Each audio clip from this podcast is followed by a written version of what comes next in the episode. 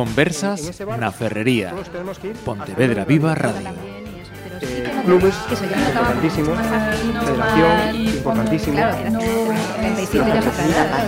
Y la paciencia, la paciencia. acercan a ese niño al deporte.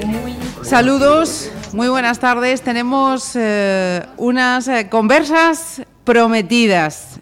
Os eh, trasladamos al mes de septiembre cuando habríamos hablado de esas eh, actividades de preparación de la campaña Antártica 2017-2018, nos habíamos comprometido a, tener una charla con, estos militares que nos acompañaron en los estudios. Bueno, pues eh, como veis en la imagen de la web, eh, hemos contactado, estamos charlando. Voy a empezar con permiso de los chicos, eh, con la capitán Pilar Lisbona. Saludos. ¿Qué tal? Buenas tardes. Tenemos también a capitán Antonio Donis, eh, que era el, el gallego de, de, aquella charla. Saludos, Antonio, ¿qué tal? Buenas tardes. Y a Valentín Beneite, tal eh, comandante que es el, el jefe de, de, esta, de esta campaña, de esta edición. Bienvenido también de nuevo a estos micrófonos. Muy buenas, es un placer estar de nuevo con vosotros. En primer lugar, ¿cómo, cómo estamos? ¿Cómo, ¿Cómo va la cosa? Porque en un principio yo creo que tuvisteis que salir con retraso, ¿no? Contándonos cómo fue el, el, el comienzo de esta, de esta expedición, de esta campaña. Bueno, efectivamente en la Antártida todos los planes cambian. Entonces, inicialmente íbamos a salir de, de Cartagena, perdón, de Madrid, eh, el día, eh, creo recordar, 3 de diciembre y al final tuvo que... Bueno, 3 de diciembre íbamos a abrir la base. Sí. Y eso suponía salir de Madrid el 20 de noviembre y se tuvo que retrasar todo porque el buque Esperides eh, retrasó su salida de Cartagena, que es el que lleva todo el material. Uh -huh. Con lo cual, al final salimos de, de, España el 18 de diciembre y abrimos la base el 1 de enero. Uh -huh. 18 eh... de diciembre, que he visto por ahí, fuchicando en ese diario de operaciones, que pasasteis la Nochebuena y la Navidad en Argentina, ¿no? Efectivamente, pasamos la Nochebuena en Ushuaia, que es la ciudad más austral del mundo. Es muy bonito aquello porque está cerca del canal Beagle eh, y se ven los glaciares que están colgando del mar. Directamente es un sitio maravilloso, la Tierra del Fuego. Y ahí la pasamos en, en un ambiente argentino. Eh, la verdad es que estuvimos cantando villancicos la, la, la cena Nochebuena, ¿verdad? Y, y, y éramos los únicos que cantábamos villancicos, pero la pasamos muy bien con nuestra familia antártica uh -huh. y ya somos una buena... Uh -huh. Y sí, ahí estuvimos. E incluso luego ya estando ahí en, en Isla de Decepción, eh, a mí me, me, han chivado que hubo hasta visita de los Reyes Magos. Mira que aquí en España hubo problemas para que llegaran, que la nieve hizo un poco la puñeta. Pues toma, en la Antártida y estaban hasta los Reyes Magos. Es que, es que son, son la leche, ¿no? ¿Cómo, cómo fue? Pues sí, la verdad es que los Reyes Magos, como dice mi madre, pues son, pues son magos y entonces llegan a todas partes del mundo. Y aquí la verdad es que cada uno escribimos nuestra carta y, y aquí, aquí se presentaron. Qué grandes. Eh, bueno, y en lo que lleváis de, campaña, ya está todo. Antonio creo que, tenido que han tenido que pelear con, los aparatejos, ¿no? Para conseguir, pues, lo que estamos haciendo hoy, ¿no? Que, podamos tener esta, esta charla, esta videoconferencia. Y, y, a día de hoy todo controlado, ¿no? Todo perfecto y sin fallo, a pleno rendimiento ya ahí en, en Isla de Decepción. Bueno, la verdad que costó al principio, eh, es un sitio, la Antártida, pues lo que en España funciona, aquí a veces pues no funciona. Uno se da cuenta de que, de que está en la Antártida y esa lejanía se traduce en esa falta de comunicación y, y la dificultad. Uh -huh. Por suerte y con el trabajo de todo, todo el equipo, eh, arrimamos el hombro y conseguimos poner la base Gabriel de Castilla en, en perfecto estado para, para, operarla en cualquier punto de vista, desde comunicaciones a cocina, eh, medio ambiente y actualmente pues ya está en el ciclo a nivel de comunicaciones con videoconferencias con los colegios, la campaña Padrinamiento un Pingüino, etc, etc. Mm. Y la verdad que estamos, estamos eh, teniendo eh, mucho tirón, pero mucho trabajo. La verdad que aquí las jornadas son, son muy largas. Intensas. Eh, contándonos un poquito eso, ¿cómo, ¿cómo es el día a día? En, esta expedición? Pues mira, ahora ya hemos cogido un ritmo de rutina, ¿no? Eh, para empezar todos los días eh, tenemos actividad, ¿no? ¿no? descansamos ni los fines de semana, ni los domingos, ni nada. Y estamos muy condicionados por, el, por las condiciones meteorológicas. Eh, pero básicamente nos levantamos de manera que a las 8 estamos ya todos de pie, salvo los que tienen que participar en las videoconferencias con los colegios, que siempre son los telecomunicaciones, que se levantan un par de horas antes para pillar horario escolar ahí en, en, territorio nacional. Desayunamos a las 8 de la mañana un desayuno estupendo y a las 9 ya empiezan las actividades. Actividades de dos tipos. Unas de mantenimiento de la base, que, continuamente hay que hacer trabajos para, para, reordenar las cosas, para dejar todas las instalaciones preparadas, mantenimiento de los vehículos. Y la otra actividad de acompañamiento a los científicos a sus lugares de trabajo, que siempre lo hacemos o en Zodiac, eh, con evacuaciones neumáticas por, la, por el puerto Foster, o también eh, andando a lugares que se desplazan, eh, eh, que les tenemos que acompañar, que muchas veces pues tienen que emplear las raquetas o el piolet y los crampones. A la hora de comer, no todo el mundo para comer, porque hay personal que realiza la actividad de jornada y pasa eh, la hora de comer la pasa fuera.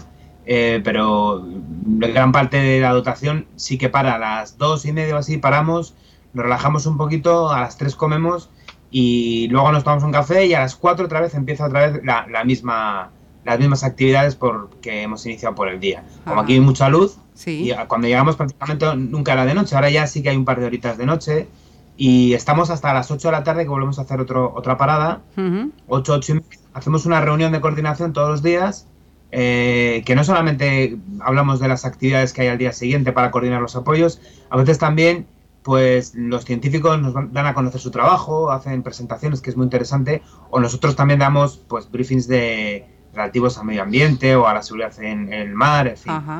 Luego cenamos y ya después de cenar, pues eh, sí que es el momento más tranquilo. Eh, tenemos un futbolín que da mucho juego, hay gente que juega a las cartas, más relajados. Bueno, el jefe tiene que quedar escribiendo el diario de operaciones, pero que es, una gozada, ¿eh? yo lo recomiendo. Yo me he puesto al día de, de, lo que lleváis de viaje, vamos, minuto al minuto. Eh, Pilar, que esto de momento está siendo como te había contado tu padre, como te habías imaginado, ¿cómo está siendo la experiencia? Bueno, la verdad es que eh, mi padre vino en otras condiciones, porque ellos cuando llegaron aquí no había nada entonces lo tuvieron que montar todo. Aquí, gracias a Dios, pues bueno, ya los edificios estaban en, estaban en pie, la gente viene pues muy preparada. Sí que es verdad que la, primera semana, eh, sobre todo la primera semana, primeros 10 días, fueron muy duros, pues porque había que acondicionarlo todo, cada uno, cada área trabajando en, su, en, su, en sus cometidos. Pero, pero bueno, lo que sí que se parece mucho a lo que me contó mi padre es que hay mucho trabajo de todo tipo, cada uno en su área y además entre todos nosotros, yo por ejemplo en el área de medio ambiente, pues muchas veces yo no puedo hacer cosas solas, hay que cargar mucho peso o necesito, necesito que alguien me ayude y bueno, eh, no, no se para, no se para tanto que, que es que, pues no sé, bueno, llevamos ya prácticamente ¿cuánto? ¿15 días aquí? un poco. 18 días. bueno, 18 días, 18 días y, es que el tiempo se pasa volando, pero bueno, gracias a que hay trabajo y aquí y que así siga. Pero sí, más o menos, más o menos es, lo que lo que me había contado mi padre. Con más facilidad, pero, pero así es. Pero ya lleva. no sé si has visto una foto. Sí, dime. hay una foto, perdona, una foto perdona, que puse en el diario que sale Pilar encima de, de un contenedor cortando con una radial. O sea, ¿Es ella? es ella, es ella. Sí, sí, sí, soy yo, soy yo. Eh, así que es un ejemplo del trabajo que hay, pues unos residuos que hay que cortar para luego poder desembarazarse de ellos correctamente, pues aquí Pilar se tiene que subir a un sitio elevado, utilizar una radial y en fin, ese trabajo, por ejemplo. ¿no? Mira, tú, mira tú, quién, mira tú quién era. Y, y Antonio tampoco lo ha tenido fácil, ¿eh? He visto ahí también... Bueno. La verdad que es que no hay, no, no se puede decir que ningún área sea más, ni más importante ni más importante, ni más difícil ni, ni más fácil. Todos, como bien ha dicho Pilar y el comandante, eh, la primera semana hemos tenido que, tirar del carro. Eh, la Antártida pues se convierte en una familia Antártida y todos tiramos en una misma dirección. Y al final, pues en, creo que en un tiempo récord hemos sacado la base para, para, para tenerla arriba operativa y que los científicos y nosotros podamos eh, disponer de unas comodidades, entre comillas, que facilitan el trabajo y la labor de, los científicos y militares en, la base Gabriel de Castilla. Sí que es cierto que antiguamente no había muchas comodidades, desde por ejemplo, como ahora comunicaciones, pero también no se desarrollaban el nivel de actividades que se desarrollan hoy en día. Eh, eh, todo va eh, condicionado, o sea, antes no había comunicaciones, pero tampoco a lo mejor había videoconferencias o había, en caso de comunicaciones, otras otras cosas, actividades que, cargan el día a día y que, requieren mucho, mucho tiempo y en cualquier actividad. O sea, mm. que, estamos condicionados por, por, todas esas actividades. Eh, en estos 18 días eh, yo, yo he leído que, podéis darnos buenas noticias por varios frentes vamos a hablar de pingüinos, que, aquí hay mucha gente que, está preguntando por el tema de pingüinos. Les he dicho que estéis tranquilos, que es que es mucha gente la que está pidiendo apadrinar pingüinos y no dan abasto, pero que llegan, que llegan, que yo lo he, leído, que han dicho que tranquilidad, pero que van a, van a llegar. Que a los cinco días ya habíais superado, pero con creces, el número de pingüinos que se habían apadrinado en la anterior campaña. ¿Cómo estamos a día de hoy? Esto mm, va, va cuajando, ¿no? Pues estamos muy satisfechos porque eh, ayer eh, superamos los 50.000, hoy estamos hablando de 57.000 pingüinos apadrinados, pues es impresionante. Quiere decir que, que mucha gente conoce nuestra actividad, mucha gente se compromete con el medio ambiente y, y la respuesta es impresionante.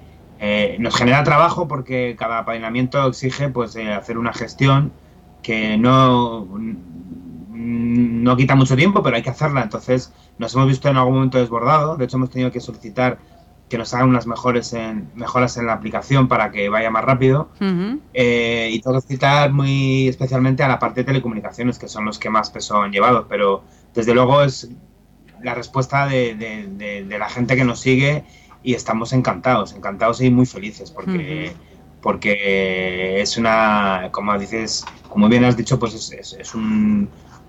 Nos hemos superado bastante, ¿no? Muy por encima de los objetivos que nos habíamos previsto, así que estamos muy contentos. Compromiso con el medio ambiente y compromiso en esta ocasión eh, con la Asociación Española contra el Cáncer, con esa iniciativa de un reto, 5.000 pingüinos, que si el apadrinamiento va bien, la campaña significa que, también se reportan buenas noticias a, la Asociación contra el Cáncer y a la investigación. En ese sentido también va, a buen ritmo. O hay que seguir diciendo a la gente, venga, vamos tirando del carro que todavía se puede hacer más.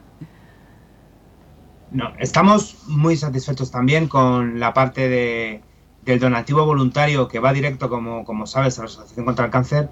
Y además tengo que resaltar que todo el dinero que se ha recaudado es eh, de, individuos, de, personas que posiblemente lo hayan hecho con todo el cariño del mundo, porque hemos estado detrás de que, de que alguna organización gorda, alguna entidad, algún, eh, algún banco hiciese un donativo mayor, pero realmente es complicado porque al ser donativo pues tienen más dificultades que si por ejemplo es un patrocinio, ¿no? Que, que, hay un, como una especie de acuerdo y se da un beneficio, pero en nuestro caso no, no recibimos ningún beneficio, ¿no?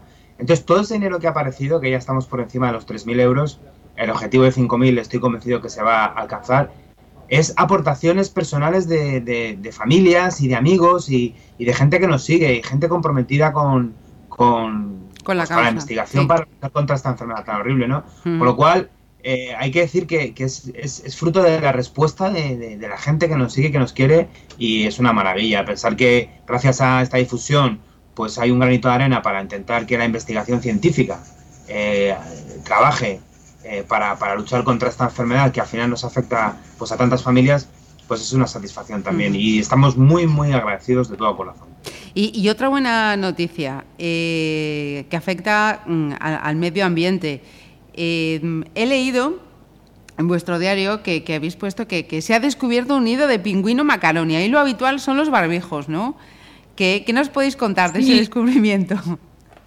Sí, no, efectivamente, eh, bueno, los pingüinos normalmente cuando se produce la, anidación, eh, ellos, ellos se separan por, por, sobre todo, o sea, por especies, ¿no? Entonces el pingüino barbijo anida siempre en unos determinados eh, puntos, en una, forman pingüineras, y están todos allí juntos. Los papúas hacen exactamente lo mismo, el pingüino emperador en, Península Antártica lo mismo. Entonces es muy extraño que, otro tipo de pingüino eh, anide en una pingüinera con, con, pingüinos que no son de su especie. Y bueno, la, es que los pingüinólogos han hecho este, este descubrimiento. Mm, creo que no se sabe muy bien por qué, pero, pero bueno, es un, es un hecho que está ahí y entonces, pues bueno, igual por esa línea tienen, tienen que investigar qué es lo que está pasando con, con, el pingüino macaroni para que se comporte así, o es un individuo aislado, o ya se verá dentro de unos años si efectivamente eh, se empiezan a mezclar por, eh, pues por lo que sea, o bien por alimentación, o por, o por desplazamiento debido a, a, cambios, a cambios en el, bueno, en, en, cambios de temperatura en sus, zonas de, en sus zonas de, de, de anidación. Entonces, pues bueno, sí, es un descubrimiento, es muy curioso y bueno, y a ver, a ver por dónde, a ver, a, ver qué información nos da esto en un futuro. Eh, otra pregunta, yo no sé si es la primera ocasión, sí que he visto que este año eh, estáis trabajando con drones, no sé si es el, primer año o en anteriores campañas ya, contabais con, estos sistemas, con estos nuevos aparatejos, ¿ya? Que, veo que ya cada vez se aplican en, más acciones. Bueno, eso es un tema bastante amplio si efectivamente los proyectos era volar drones, el ejército de tierra volar por primera vez drones en, en la Antártida. Estamos eh, en ello y bueno, es verdad que, también hay mm, más gente, más personas, más eh, personal técnico que los vuela. Por ejemplo, actualmente está un equipo alemán que está haciendo un proyecto sobre drones y pingüinos. Eh, eh, lo que puede afectar los, los drones a, al vuelo, lo que afecta el vuelo de los drones a los pingüinos es un, proyecto y son alemanes, es un equipo alemán. Y nosotros estamos en ello, estamos porque hay una documentación bastante estricta de quien, quien gestiona todo esto, es el Comité Polar Español, y estamos detrás de toda la documentación, creo que finalmente lo conseguiremos y volaremos, pues el Ejército de Tierra volará por primera vez drones en, en la Antártida. Eso es el fin y la verdad que, que, aparte de imágenes y demás, alguna, algún proyecto tenemos por ahí eh, mirado y a ver si, si lo sacamos adelante. También están, han traído drones. Eh, aquí está con nosotros un grupo de periodistas de la BBC que realmente hacen unos documentales impresionantes, ¿no? De hecho, para, para cinco minutos de documental van a pegarse aquí 20 días eh, y buscan la conducta de los pingüinos luchando con luchando por las piedras para hacer su, nido, ¿no? Y bueno, dos son australianos, uno es británico y también tienen un dron, también tienen un dron. Y sí que ha habido eh, anteriormente sí que ha habido se han empleado drones eh, en la Antártida, pero digamos que es una actividad que está aumentando bastante. Y la parte, la parte española, pues lo que es la legislación española es más restrictiva que la legislación de otros países, pero sí que ha habido proyectos eh, que habían empleado ya los drones anteriormente. Y, en cuanto al medio ambiente, ¿no? al estado general, eh, de, un año a otro, yo supongo que esta pregunta quizás sea Valentín quien mejor la pueda eh, contestar. Em, ¿Podéis sacar ya, conclusiones de, si de un año a otro se nota esa, esa degradación? Parece que la Antártida es un poco la, la, vara de medir, ¿no? depende cómo funcione esté la situación ahí, vamos respirando el resto? ¿Cómo, cómo estamos? ¿Avanzamos, nos mantenemos o hay que mejorar? El, grupo de, científicos que estudian los pingüinos, Pingüifor, llevan 10 años, eh, tienen conclusiones que el agua se está calentando, hay menos krill, los pingüinos se están alimentando con otra con otro con, otros animales con peces esto está suponiendo que sean menos resistentes y esté disminuyendo la el número de pingüinos que hay. Por ejemplo es una evidencia.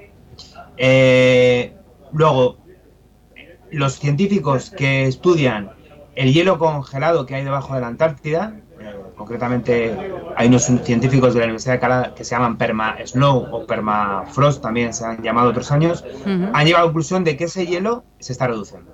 Con lo cual, hay evidencias de que ha habido un cambio, por lo menos en la islas sur, que son unas islas que, como sabes, están a 100 kilómetros de la península, eh, de, un calentamiento global. Curiosamente, los fenómenos son muy complicados, ¿no? Yo no soy el más eh, apropiado para hablar, ¿no? Pero, pero está la casualidad que aumenta el frío en la parte continental y la capa de hielo, en cambio en la parte exterior eh, puede, puede haber cambios de temperatura por encima, ¿no? Pero sí que hay evidencias que, que, algo está pasando. También eh, nos ha llovido el año pasado también llovió y los viejos del lugar dicen que no recuerdan que lloviese en la Antártida. Ellos recuerdan la nieve, pero sí que ha habido lluvia, una lluvia que luego se convierte en nieve, pero sí, efectivamente yo creo que hay eh, pues evidencias de que está habiendo cambios. Está habiendo cambios. Pero luego, curiosamente, nos ha venido un temporal de nieve el día el, viernes pasado, sí. eh, donde, donde, muchísimo, que, que, no es normal tampoco que nieve eh, que tanto ¿no? En, en, esta, en esta época del año. Entonces, pues ocurren como, como, como en el resto del mundo fenómenos raros. A lo mejor, eh, pues sí, se calienta, eh, hay un calentamiento global, pero de repente viene una tormenta de frío y nieve que, que no se espera, ¿no? Es lo que te puedo contar. Pues que nos tenemos que poner las pilas, está, está claro. Eh, yo, y una duda que yo tenía, que esto tiene que tener una, una, respuesta muy sencilla, pero que yo, que soy una ignorante en algunas cosas como esta, quiero preguntarla para salir de la duda. ¿Por qué cuando se cierra ese diario de operaciones siempre pones semáforo verde. ¿Qué significa? Ah, claro, claro. Pues mira, me, alegro que lo digas y, lo voy a intentar explicar. La isla de excepción, eh, como sabes, es un volcán que tiene actividad y hay un protocolo para, hacer la apertura de la base eh, que lleva a cabo los científicos de la Universidad de Granada, que son los que tienen la responsabilidad de hacer el seguimiento de la actividad volcánica de la isla. Entonces, ellos todos los días analizan los registros que les da la actividad sísmica. Y todos los días me informan a mí personalmente de la situación del semáforo. Si el semáforo está verde, quiere decir que no hay ningún problema, que tenemos, podemos seguir haciendo las actividades. Si el semáforo está amarillo, quiere decir que tenemos que estar en un estado de alerta. En cualquier momento puede haber un, alguna actividad volcánica que nos pueda, nos pueda hacer el, el, activar, el activar el plan de, emergencia, que consiste en evacuar, en evacuar la base. Y el semáforo rojo, que quiere decir que hay que irse.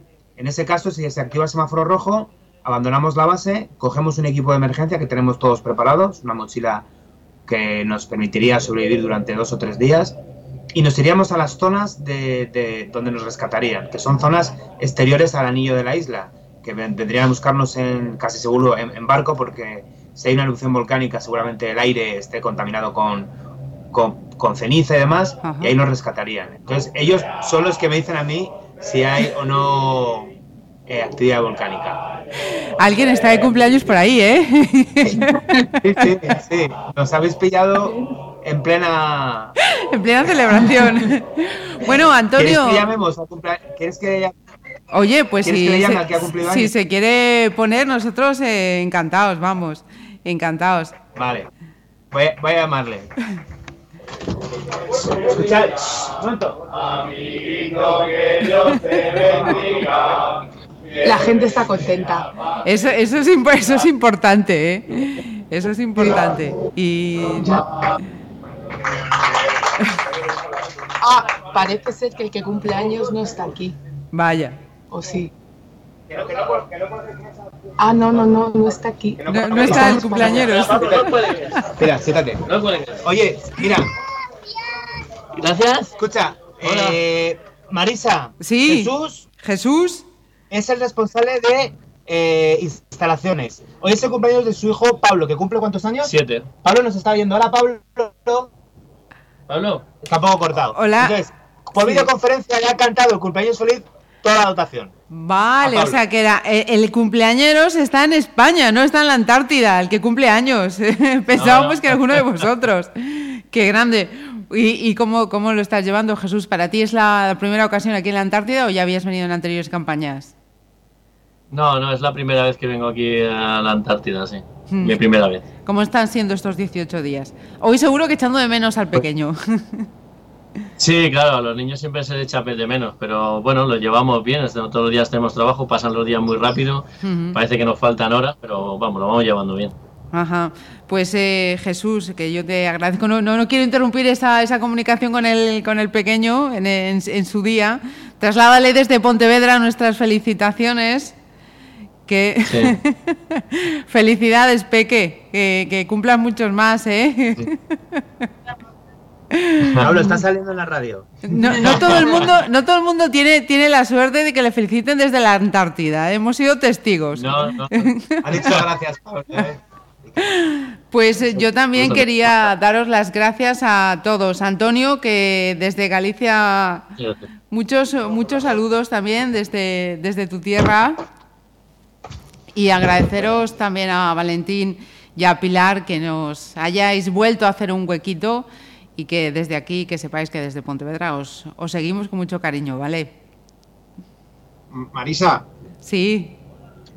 Una última cuestión. Yo me gustaría eh, aprovechar este, esta ocasión para, aparte, lógicamente, saludar a todas nuestras familias, saludar a toda la audiencia de Pontevedra Viva, pero también saludar y eh, acordarnos por el gran apoyo a la Brilat, esa unidad que está en Pontevedra y que su apoyo fue fundamental en la fase de, de navegación que realizamos en el Grove la primera vez y que tanto por material como por medios personales pues nos apoyaron y que tienen gran parte de culpa de que nosotros estemos aquí por, por esa fase de agua. Entonces un saludo muy fuerte a toda la audiencia de, Vía de Pontevedra Viva y a, la, y a toda la Brilat. Pues eh, desde luego este mensaje les, eh, les llega y que a vosotros, oye, que ojalá os volvamos a ver este septiembre aquí en el estudio de, de nuevo y tengamos ocasión de charlar ya, pues de, casa, ya sois de casa, vamos. Un saludo y que siga ese semáforo verde hasta, hasta, el hasta que cerréis, ya iba a decir hasta el despliegue, hasta el repliegue ya de, de esta campaña, ¿vale? Vale, muchas gracias Marisa, ha sido un placer, como siempre. Marisa, un beso muy fuerte desde la Antártida para todos vosotros. Bueno. Un beso muy fuerte, Marisa. Gracias por todo. Graciñas. Muchas gracias. chao, chao. Conversas La Ferrería. Pontevedra Viva Radio.